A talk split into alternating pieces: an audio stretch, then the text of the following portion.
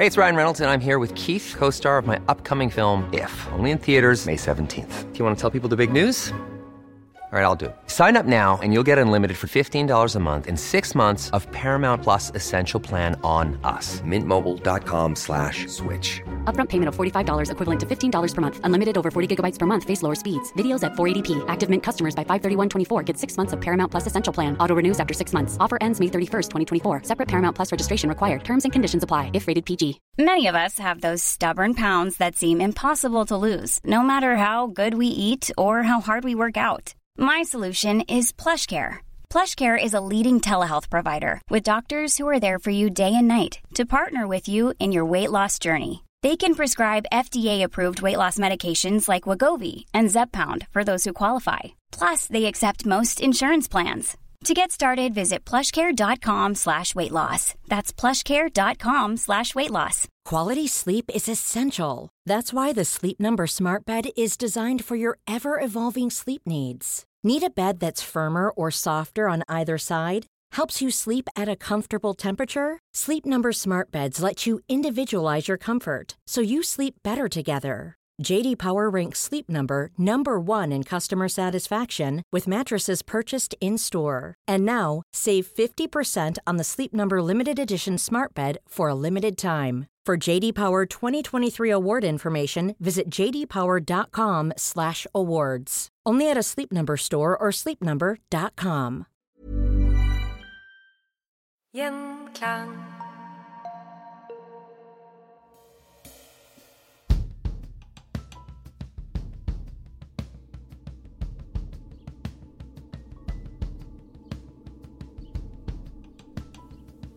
Det var midt i oktober, og i den stadig kaldere byen var alle på jakt etter det samme noe å spise. De sultne blikkene kunne følge de siste solstrålene mens de trakk seg tilbake gjennom byen. Fra bakkene på Ekeberg, ned de snirklete gatene i gamlebyen, over Bjørvika, helt bort til silhuetten i horisonten. Borgen på Akersneset. Så nære, men likevel så uendelig langt borte, må de ha tenkt. De som drømte om å være nettopp der, med mat og varme. Oppe i borgen, i et fuktig og kaldt rom, sitter en ung kvinne og skriver i det flakkende lyset fra et vokslys. I motsetning til lyset er hånden stødig og blikket bestemt. Du, min aller kjæreste herre, hilser jeg, Margreta, inderlig med Gud. Du skal vite at jeg og mine tjenere lider stor nød av mangel på mat og drikke, så at verken jeg eller de får det aller mest nødvendige. Og derfor ber jeg deg, min kjære Herre, om at du finner en utvei slik at det kan bedres, slik at de som er med meg, ikke skal skilles fra meg for hungers skyld. Hun signerer og blåser på pergamentet for å få blekket til å tørke før brevet rulles sammen. Hun ser voksen tørke og forsegler rullen, før hun med en grimase og en hånd på magen reiser seg og går sakte mot døren. Tjenestepiken hennes kommer henne i møte med raske skritt og ser bekymra ned. Først på magen hennes, og så på brevet. Tror du han svarer denne gangen, min frue? Han svarer. Han må svare.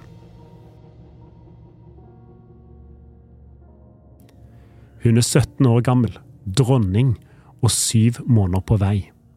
Og om noen år så skal hun bli den mektigste kvinnen Norden noen gang har sett.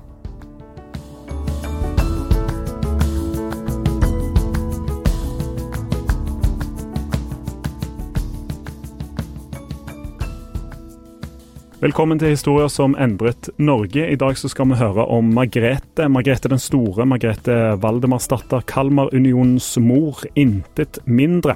Og for å snakke om henne og hennes reise til makten, podkaststjerne Are Sende Osen, velkommen til Historier som endret Norge. Tusen takk skal du ha, Kristian.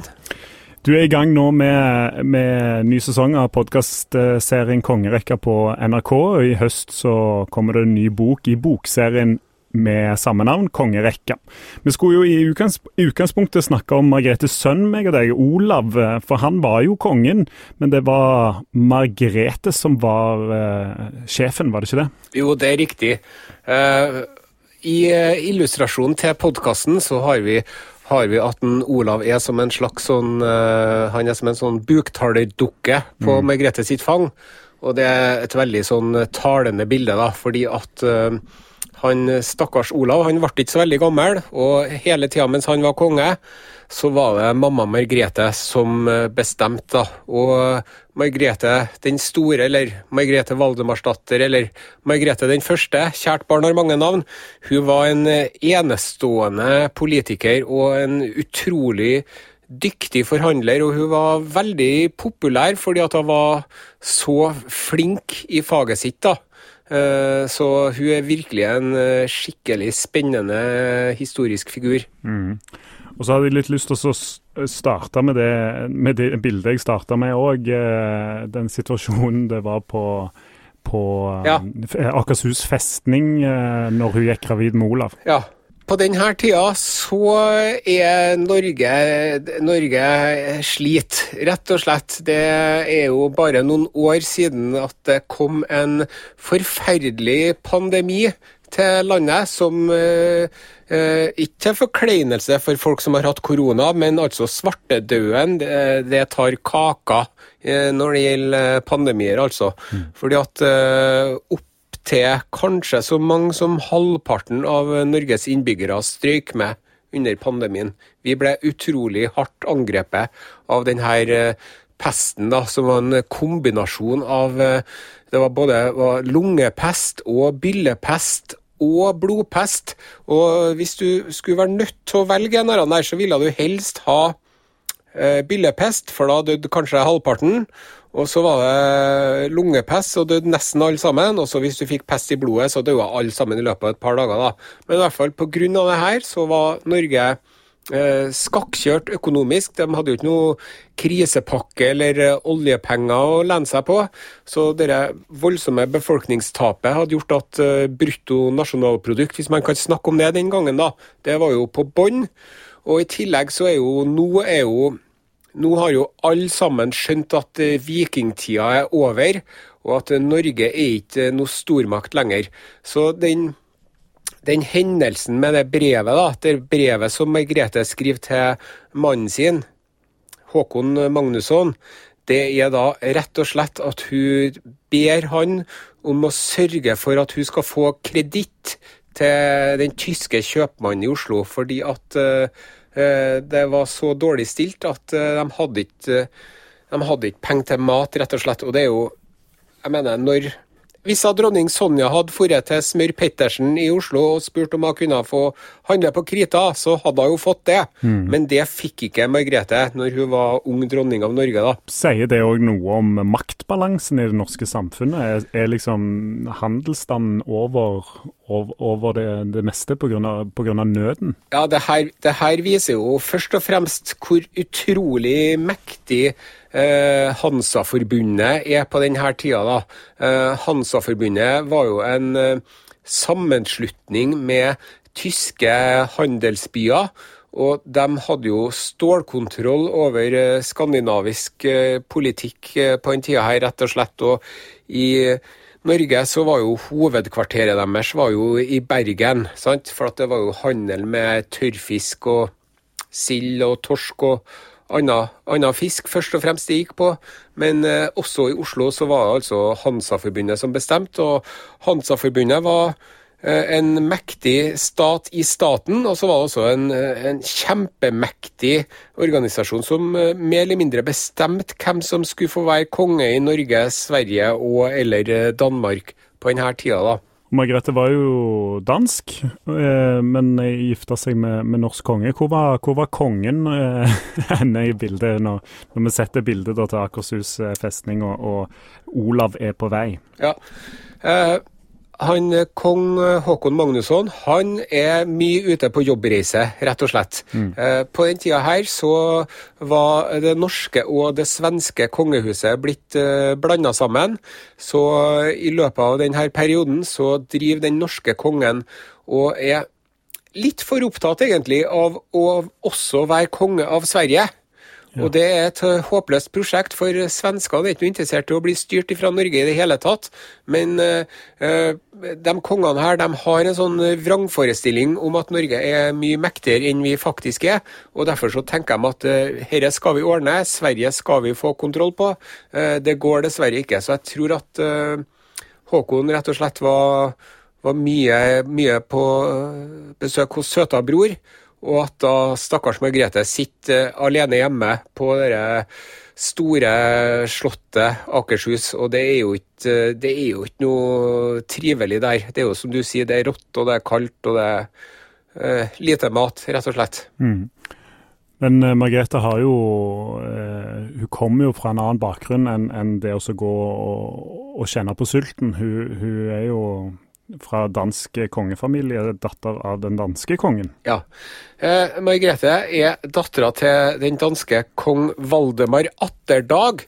Og det Tilnavnet er ganske artig, artig, for at uh, Atterdag det kommer av tysk og betyr eh, 'akk for noen dager'. Så det er han derre Valdemar Å, herregud, for ei tid det var han var konge i! Det er rett og slett det som er tilnavnet hans, da. Og han, eh, Valdemar Atterdag han hadde også problemer med, han hadde problemer med Hansa-forbundet, og så hadde han problemer med kirka, og så hadde han problemer med den danske adelen, og så var det tyske, tysk-danske fyrster som drev og opprør. Så Valdemar Atterdag han eh, hadde en veldig krigersk eh, oppførsel i Danmark, og drømmen hans det var jo å herske over et et helt og forent Danmark, og det var liksom kongstanken hans. da. Og lite visste jo han at uh, dattera skulle uh, komme til høyder han ikke engang var i stand til å forestille seg, rett og slett, når det gjelder makt og påvirkning og politisk innflytelse. Mm. Men hun blir, hun blir uh, gifta bort ganske tidlig, men så er det en eller annen sånn spesiell avtale som gjør at du ikke får lov til å flytte sammen med, med den norske kongen med en gang. Ja, eh, det er riktig. Margrethe hun eh, blir jo gifta bort med den norske kongen når hun er ti år gammel. Eh, og da er kongen allerede en voksen mann. Og så er det tydelig at Valdemar han har brydd seg litt om dattera si, for han har fått lagt inn en klausul i ekteskapskontrakten om at eh, de skal ikke ha noe ekteskapelig samliv før Margrethe har blitt en kvinne, altså fått mensen, altså kommet i puberteten. Mm. Og i dag så mener man jo fortsatt ikke at, at unge jenter som har kommet i puberteten er voksen, men den gangen så var det her faktisk det var rett og slett veldig raust og kult. Uh, men uh, fram til hun var 14 år, da, så ble hun uh, oppfostra til en av kongens beste venner, som hadde en datter som var på samme alder. Ja. Så eh, Margrethe hun ble eh, oppfostret av en adelskvinne som het for Märtha. Og hun Märtha der, hun var dattera til eh, den svenske nasjonalhelgenen, må man kunne kalle eh, Birgitta av Vadstena. Det var en ganske sånn eh, tøff og hard oppdragelse. De driver og sladrer om at hun stemora, eller fostermora til, til Margrethe, driver og banka både dattera og fosterdattera med samme riset.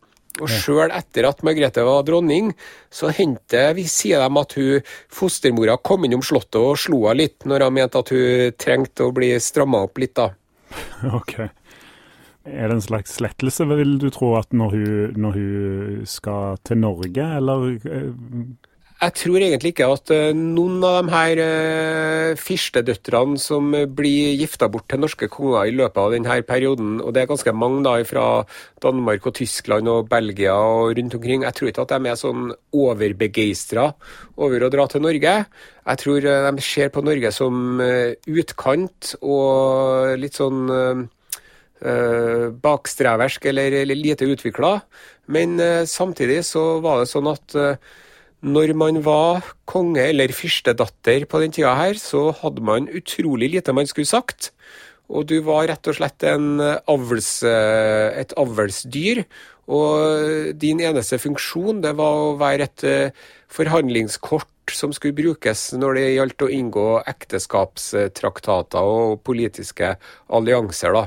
Så Margrethe hun er jo rett og slett eh, blir jo som et lite barn eh, brukt i det her politiske spillet. Og så viser det seg jo at hun da eh, mestrer det her politiske spillet bedre enn eh, noen andre, da. For hun eh, regjerer jo over eh, både Norge og først, først da dronning i Norge, og så fiksa at eh, sønnen hennes blir konge av Danmark, og så er det hun som bestemmer over Norge og Danmark. Og så ordna jammen meg Sverige etter hvert i tillegg. Mm. Ja, for det, det, er jo her den reisen er litt sånn eh, Ja, eh, altså eksepsjonell når du sitter og tigger mat eh, som dronning i, i, utkanten av Europa i et eh, kaldt og mørkt eh, slott. da. Ja. Eh, og så går du hen og, og, blir Nordens mektigste, og den mektigste Norden noen gang har sett. Men det gjør hun jo gjennom sin sønn Olav, så det at hun klarer å å få satt, satt Olav ut i livet, er jo òg nøkkelen her. Ja. Eh, det er jo den Når man er en dronning, da, så er den aller, aller viktigste jobben din som dronning, det er å få en sønn.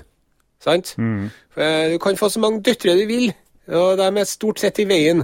Men du må få en sønn som kan arve tronen og videreføre blodslinja til kongen, da. Og det får jo unge Margrethe til på første forsøk. Jeg tror hun er 15-16 år gammel da, når hun blir smelt på tjukken. Og så får hun jo en sønn. Og eh, da er Margrethe veldig bestemt. Den sønnen her skal hete for Olav.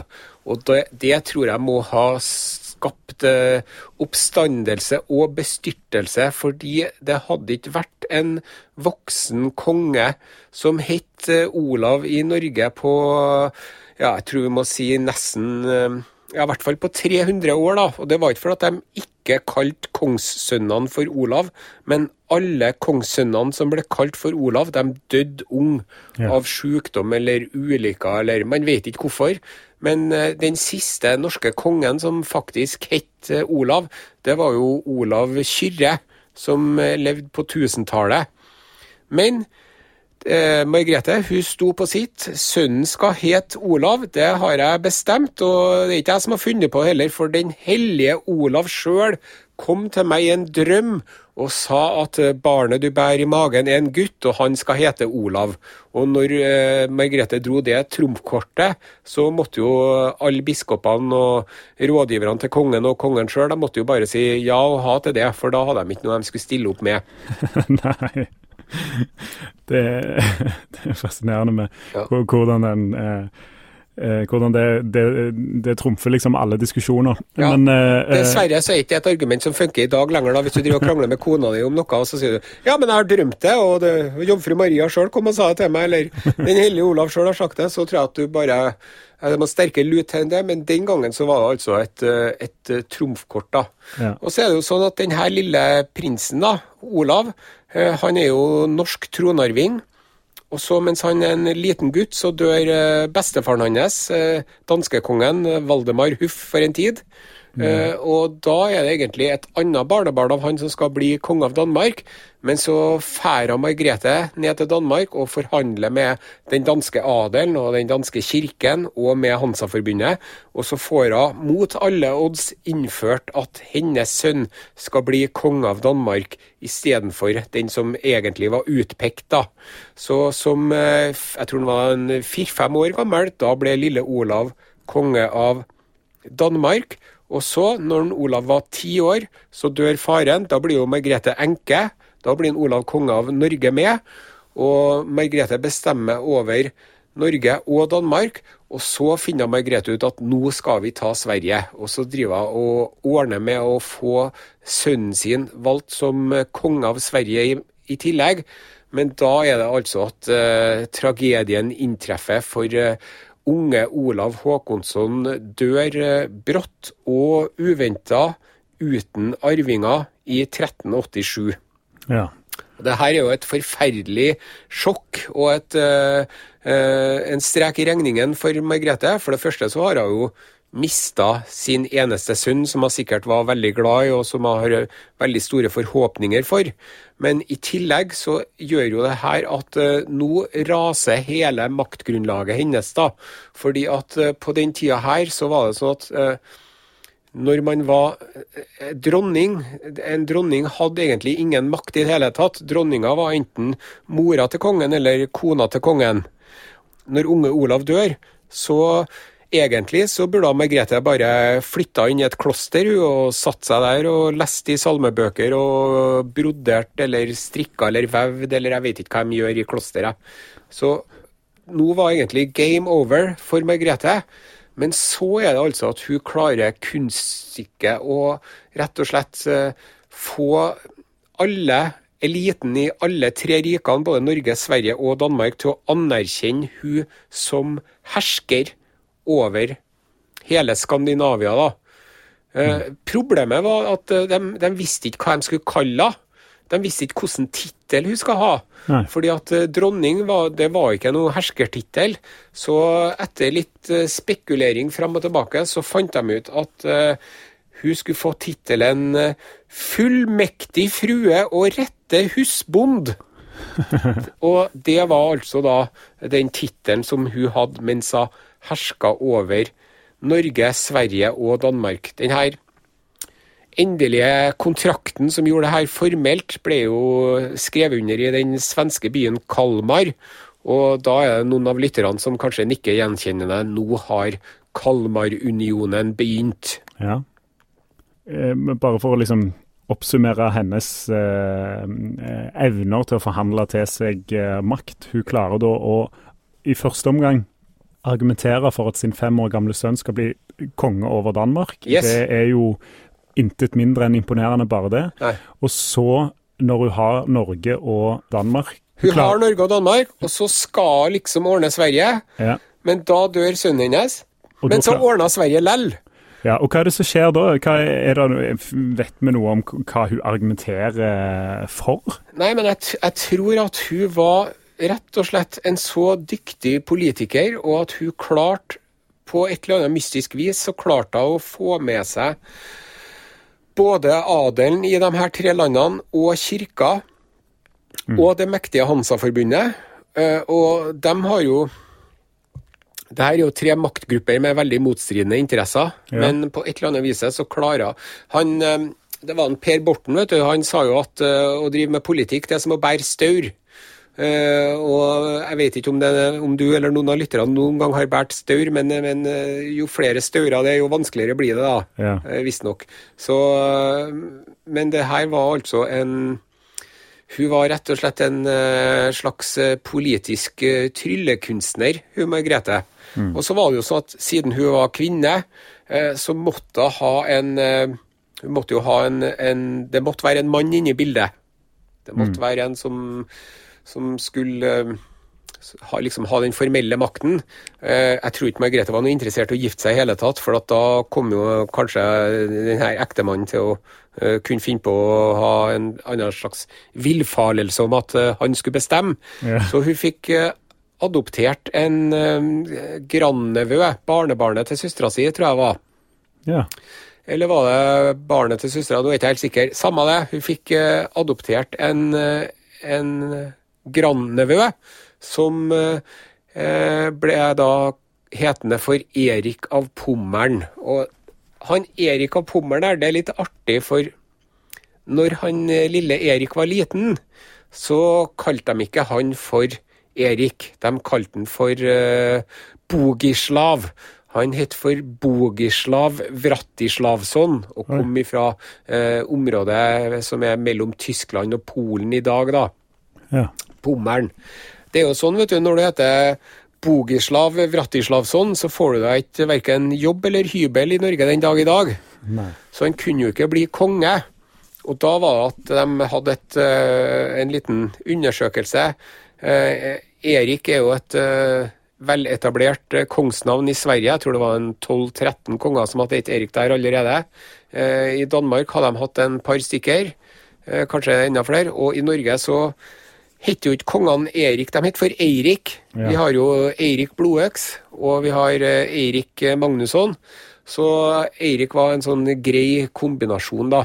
Men sjøl om han Eirik av Pommern, uh, sjøl når han ble voksen og myndig og egentlig skulle begynne å bestemme, så var det fortsatt mamma Margrethe som hadde hendene på roret, og det hadde hun helt til hun daua, rett og slett. Mm. Er det her blodsslekten på kongerekka òg stopper opp?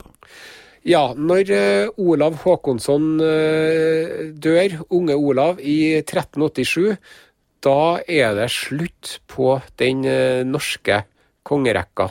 Da er det ferdig, det store prosjektet som begynte med Harald Hårfagre 500 år før. Eh, på slutten av 800-tallet. Mm. Og nå blir jo Norge styrt av eh, fra utlandet helt fram til 1905. da.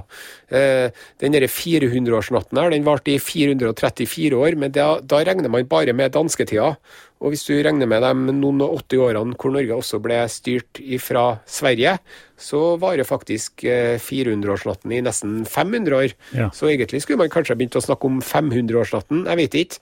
Men i hvert fall så er det en lang periode da, hvor Norge blir styrt av eh, Svensker og dansker og tyskere, og det er leverposteirapende, fleskepølsespisende, dramdunstende, elskerinneelskende, vanskjøtta, bortskjemte gærninger som har kontrollen, og ingen av dem som bryr seg om Norge i det hele tatt. da. Så jeg sammenligner det der med han Du vet han Harry Potter? Ja. Når han blir fostra opp til onkelen sin, så bor han i et lite kott under trappa. Mm -hmm. ja, sånn er det liksom med Norge, da. Ja. Eh, alle sammen lover og sverger dyrt og hellig at ja, ja, vi skal ta vare på Norge, og vi er opptatt av Norge, og vi skal komme og besøke Norge, og vi skal ta vare på norske interesser, og det er det nesten ingen som gjør, da. Norge er bare ei melkeku for alle de her danske kongene. Ei, ei skranten og mager melkeku, for at, uh, det var jo ikke noe mye Det var jo liksom det med fisk og tørrfisk og klippfisk, da. Men uh, bortsett fra det, så var det ikke så mye Det er jo ikke uh, et fjellrikt land med mye skog og grisgrendte strøk, så det var liksom ikke noe mye å hente, rett og slett. Men hva, eh, denne Kalmarunionen, da, det må jo òg ha sørga for, eh, for, økt brorskap mellom eh, landene, eller var det, var det mer at Norge hadde noen storebrødre som, som utnytta det? Ja, det var jo det. fordi at altså Margrethe hun innførte Kalmarunionen. Og så døde Margrethe, og så varte Kalmarunionen i noen år til. Men med en gang Margrethe døde, så begynte det egentlig å språtne i sammenføyningene, da. For eh, det var rett og slett hun som hadde holdt denne unionen sammen ved kraft av sin personlighet, da. Og han adoptivsønnen, han Erik av Pommern, han var en, han var en dyktig politiker, han òg. Han var en uh, god konge og en uh, kløktig fyr, og slettes ikke dum. Tvert imot uh, en oppvakt type. Men han var rett og slett ikke det fenomenale politiske talentet som mora hadde vært. da. Og dermed så var det sånn at ja, det, du kjenner til uttrykket 'å hoppe etter ruccola', som ungdommen sier. Ja. Det var liksom, eh, det hjalp ikke hvor god han Erik av Pommern var, for at samme hvor god han var, så var han ikke så god som mor si, da. Mm. Mm. Du har et bilde i podkasten din uh, som jeg syns er veldig fint, og som beskriver litt uh, kanskje hvordan hun har tenkt. Fordi at uh, denne kontrakten, Kalmarunionen, ble jo signert på papir. Ja. Og det var, det var, jo ikke vanlig at så viktige dokument skulle skrives på papir. Det er riktig. For at et uh, juridisk dokument skulle være gyldig, og at uh, alt skulle være i orden, så måtte det være skrevet på pergament, altså gjerne kalveskinn, da. Mens uh, denne Kalmarunionen, den er faktisk skrevet under på papir. hvis du googler det dokumentet Kalmarunionen, så ser du at det er et imponerende dokument. Og det er mange segl, og det er mange underskrifter. Men ved en slags eh, juridisk spissfindighet, siden det er på papir, så er det teknisk sett ikke 100% gyldig. Og teorien, da, som historikere forestiller seg, det at, eh, at det her dokumentet det hadde Margrethe i en skuff. Og så tok hun det fram når hun ville, og så sa hun se her, her står det. Og så la hun det inni og gjemte det når hun ikke ville. Så dermed så kunne hun forholde seg til det her eh, dokumentet akkurat som hun sjøl ville. Følge det når det passa henne, og overse det når det ikke passa henne. For hun Margrethe hun var altså Hun hadde en rekke sånne lure verktøy i kassen sin. Uh, hvis det var en uh, viktig person som døde, en som innehadde et viktig embete, så brukte Margrethe ofte enten så utnevnte hun en av sine venner og stooges til den jobben, mm. eller så bare lot hun den posten stå åpen, og så bestemte hun over den oppgaven sjøl. Sånn at eh, det var liksom Trenger ikke å ha noen finansminister, for jeg bare tar meg av finansene. Ja. For å gjøre det veldig enkelt, da.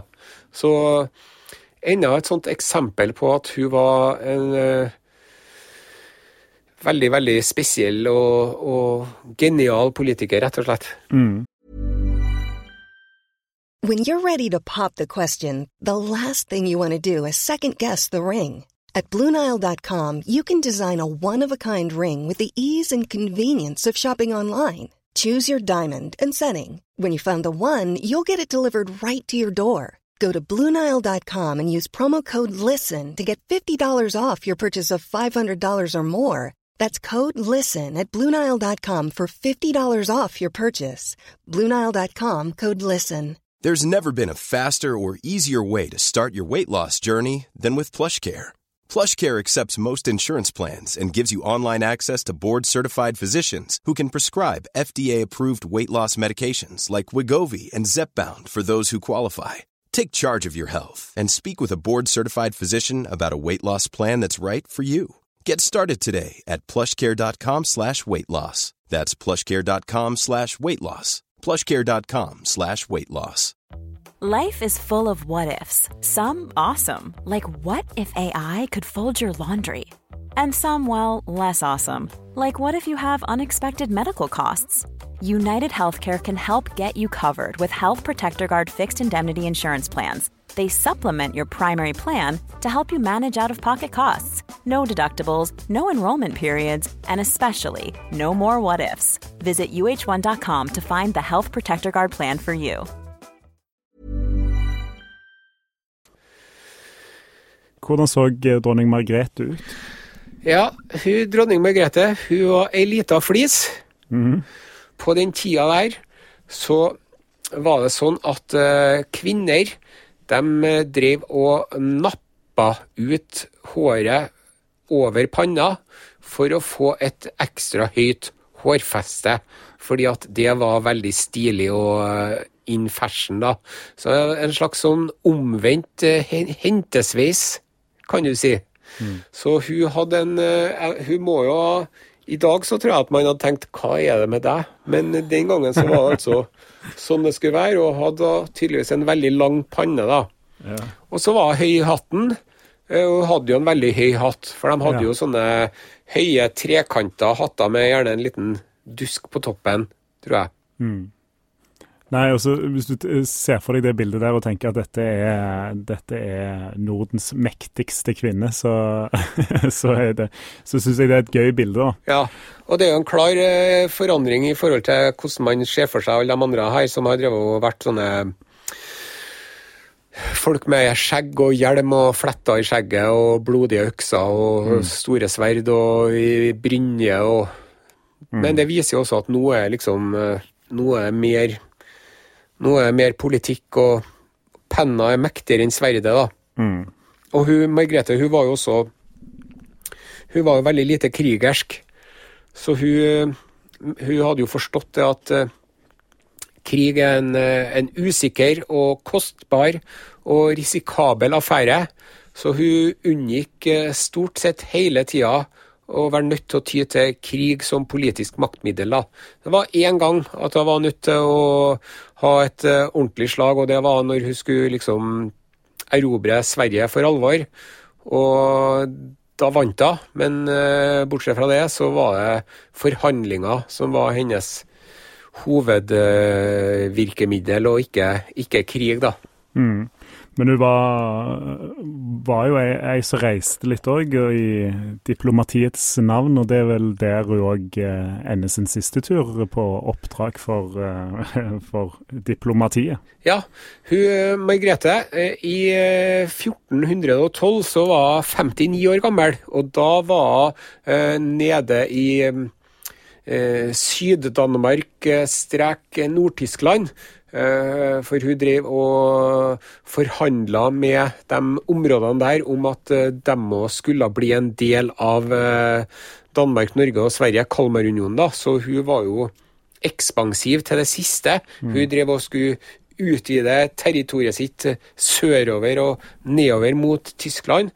Og omtrent over natta så daua mens hun var nedi attmed Kiel der.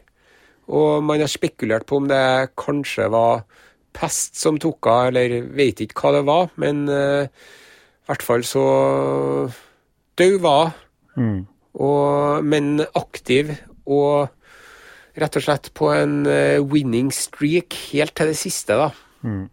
Hva var egentlig forholdet hennes til, til Norge etter hun flytta fra Norge, men, men herska over Norge? Ja, at Hun var jo jeg tror egentlig at hun syntes det var godt å komme seg tilbake til Danmark, da. Det var jo, var jo i Danmark og Skåne, vil jeg tro, som var liksom kjerneområdet hennes. Så uh, Norge var nok uh, utkant for hun, men uh, lell så, så, var det sånn at under Margrethe så var Norge fornøyd med å være med i denne unionen.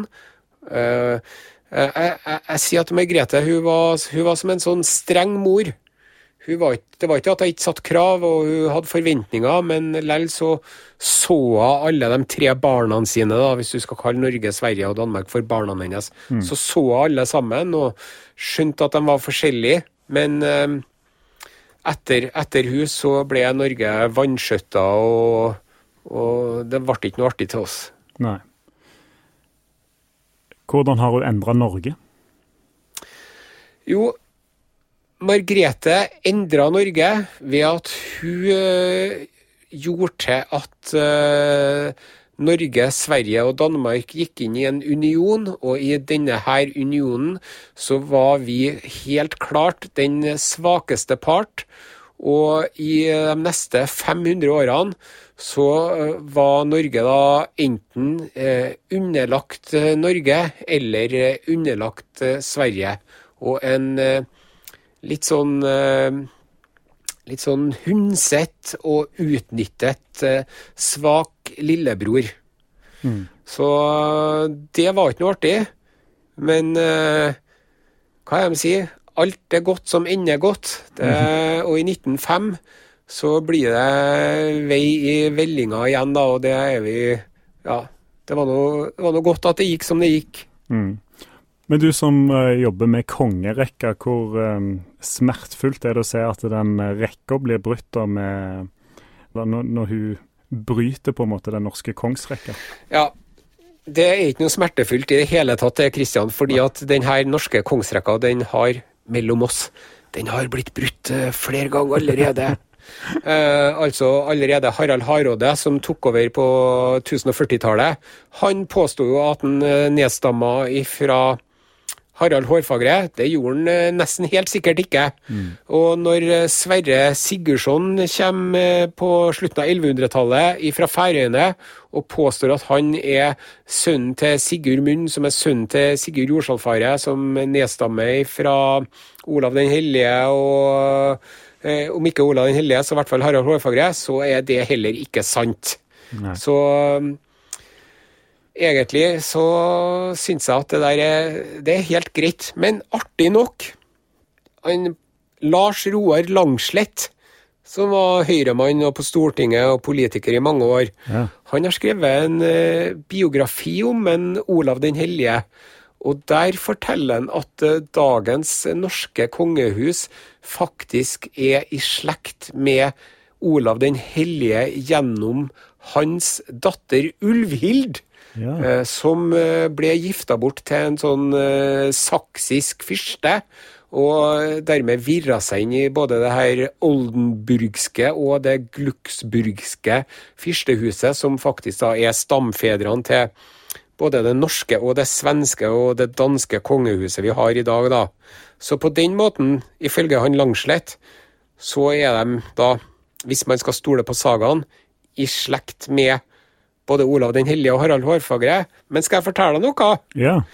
Eh, hvis man skal tenke på Ingrid Alexandra, da, hvis man lurer på om Ingrid Alexandra er i slekt med Harald Hårfagre, Mhm. så tror jeg man kan si at eh, ja, det er ja, helt sikkert. Gjennom hvem da? Jo, først og fremst gjennom mor si, Mette-Marit, men også gjennom farmora si, dronning Sonja. For jeg tror at eh, alle folkene som er i Norge, og som har slekt som har bodd i Norge de siste 100 årene, de er nok i slekt med en Harald Hårfagre på et eller annet vis. For Harald Hårfagre han fikk utrolig mange barn, og barna hans fikk eh, veldig mange av dem òg, fikk veldig mange barn. Så alle som er norsk og har en slektning eller forfar som har bodd i Norge de siste 100 årene, vi kan slå oss på brystet og si jeg nedstammer fra Harald Hårfagre. Og det er litt artig da at man faktisk er nærmere beslekta den første norske kongen gjennom morssiden enn gjennom alle de her utenlandske kongene, da. Ja, men Det tror jeg vi skal alle mann alle ta, ta med oss eh, videre i dag. Are Sende Osen, tusen takk for, eh, for at du eh, tok deg tid til å snakke litt om eh, Margrethe den store sammen med oss i historier som endret eh, Norge. Så må vi jo nevne da at podkast og bokserien Kongerekka er jo ute og tilgjengelig for de som ønsker å fordype seg eh, enda mer. Takk skal du ha, Are. Takk for meg, Kristian.